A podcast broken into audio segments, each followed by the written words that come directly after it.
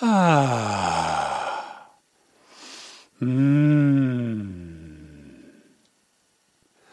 Jeg har gullhår i ræva og sølvskje i munnen, er eplekjekk og sympatisk på bunnen. Jeg er stinn av penger og sprengfull i pungen. Hvorfor er det ingen som elsker meg i grunnen? Å ja, jeg er dyre klær og rålekre sko. Jeg er høy og slank og får damer til å glo.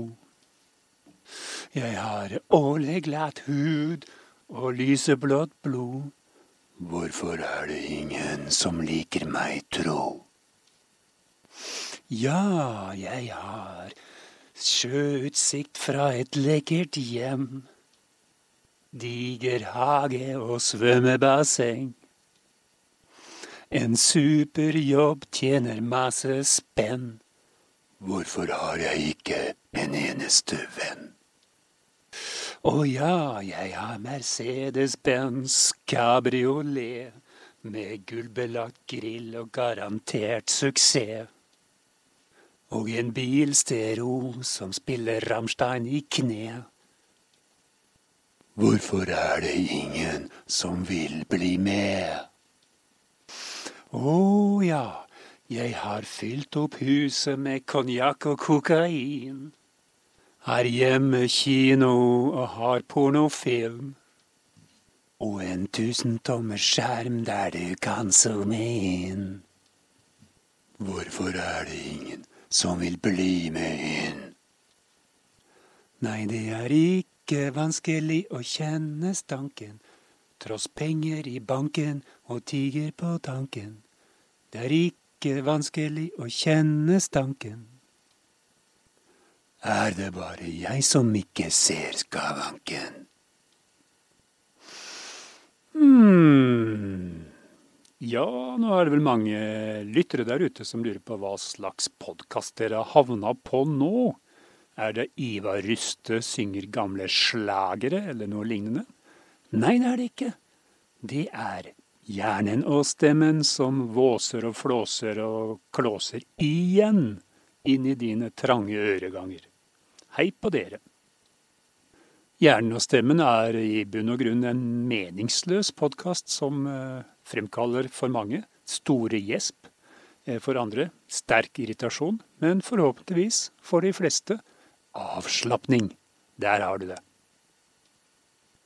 Det er jeg som er stemmen, og det er jeg som bringer lydbølgen ut i internett og inn i ørene deres. Og det er ikke mine egne tanker, dessverre får jeg si, men de trange tankene til min gode venn her i studio, hjernen.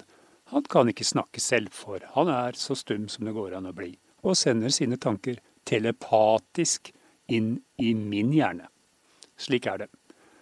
Følg med, følg med, her er vi i gang. Hmm.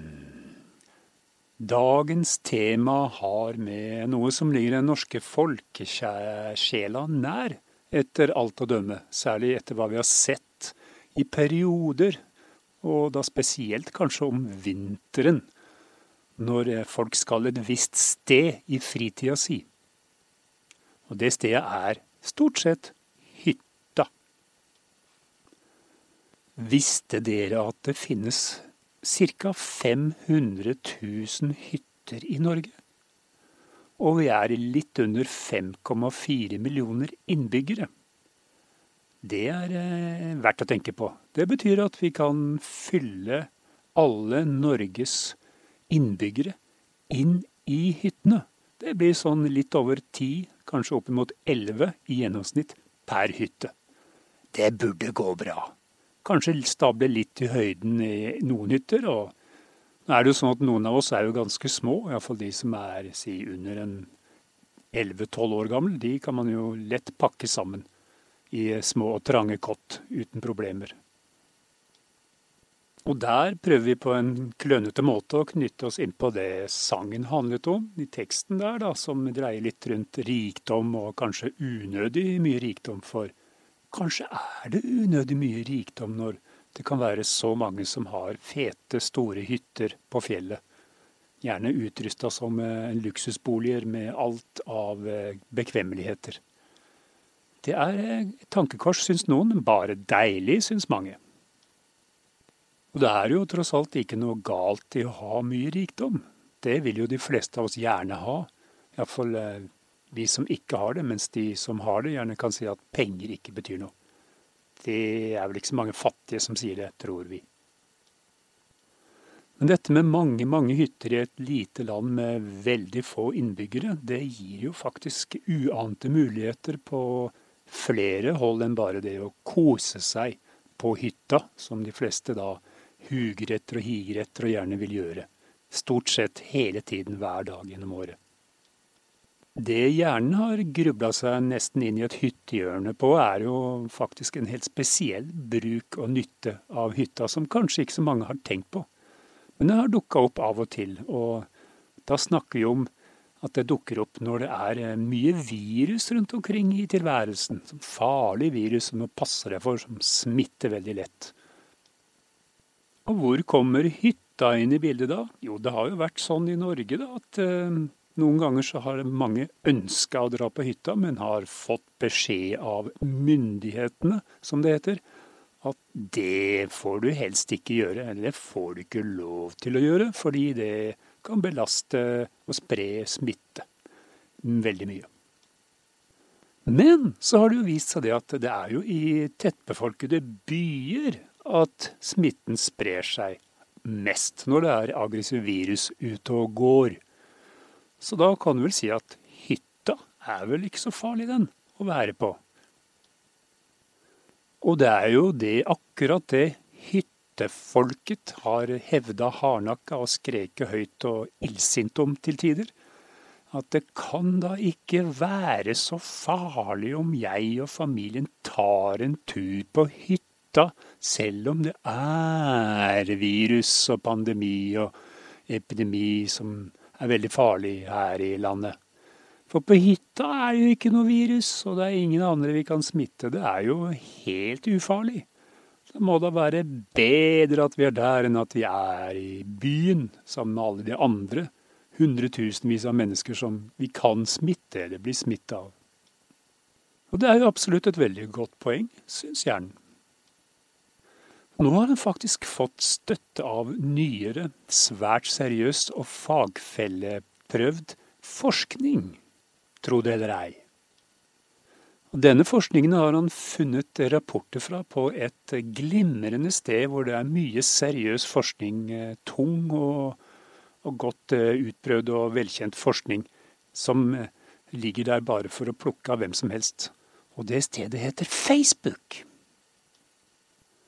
Det hender også at det florerer en god del av slikt på et annet sted som har en tung, tung forskningsfagmessig ja, si, aksept og og forståelse i fagmiljøene.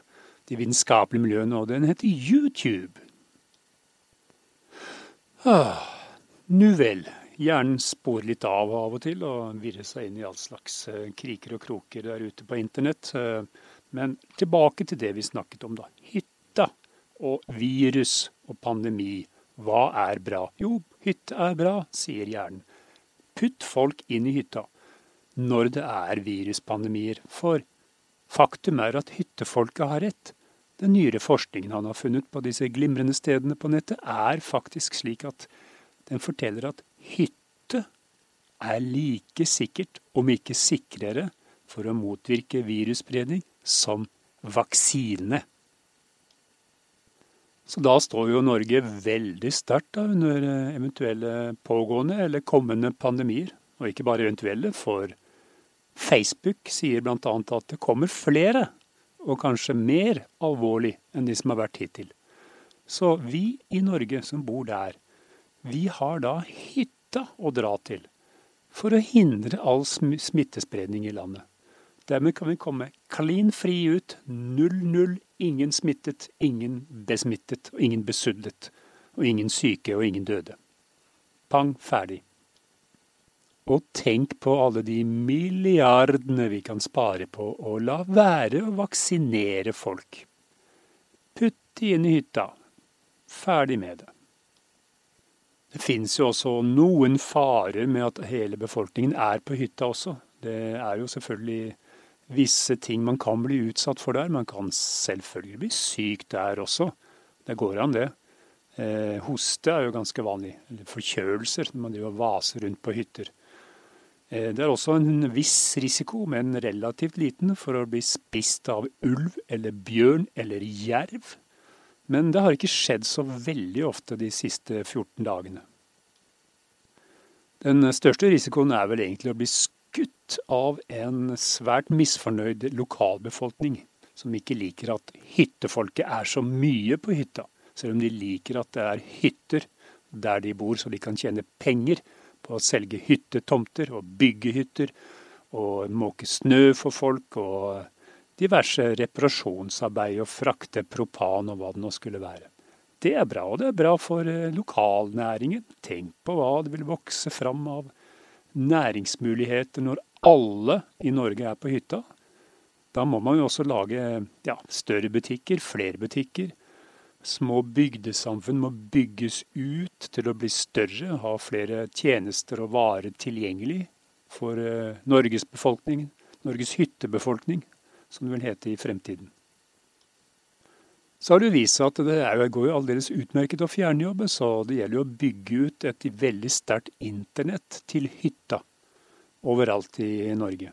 Slik at alle kan sitte der og fjernjobbe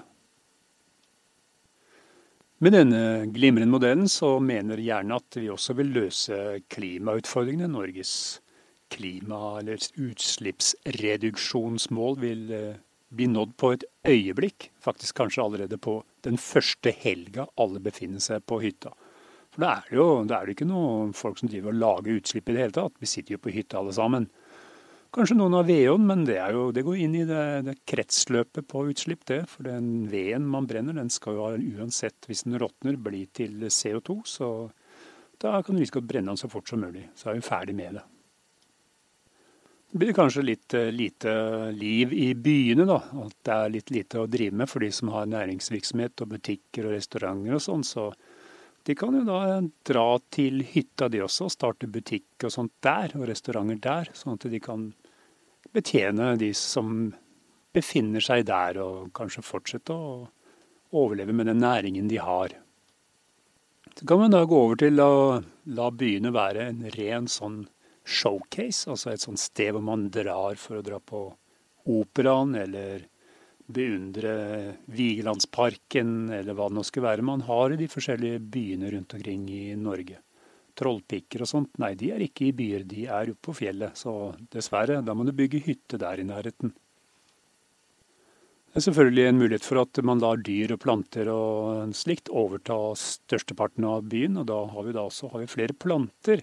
Så er det også positivt for klimautslippene. De, de suger jo til seg, bruker jo CO2 de, for å leve og vokse. Så der har du en, en god symbiose, rett og slett. Hjernen ser også for seg at båten etter hvert kan bli et viktig supplement til hytta i smitteforebyggende sammenheng.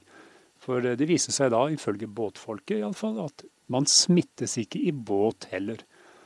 Og det viser seg, utrolig nok, at den uh, anerkjente forskningstidsskriftet Facebook også støtter dette. Det er helt korrekt. Folk smittes ikke i båt. Det er noe som skjer idet du går over i båten som gjør deg immun mot ethvert virus. Så de som heller vil være der ute hvor det vugger og plasker litt, istedenfor å sitte dønn fast med grunnmur under beina, så fins det alternativer i båt. Hmm. Og det var alt hjernen hadde i den trange skallen sin i dag. Vi runder av med vårt faste sitat hentet fra en bok der Lars Saabye Christensen for mange år siden hadde skrevet følgende. Ta det med ro, du kommer tidsnok for sent. Ah.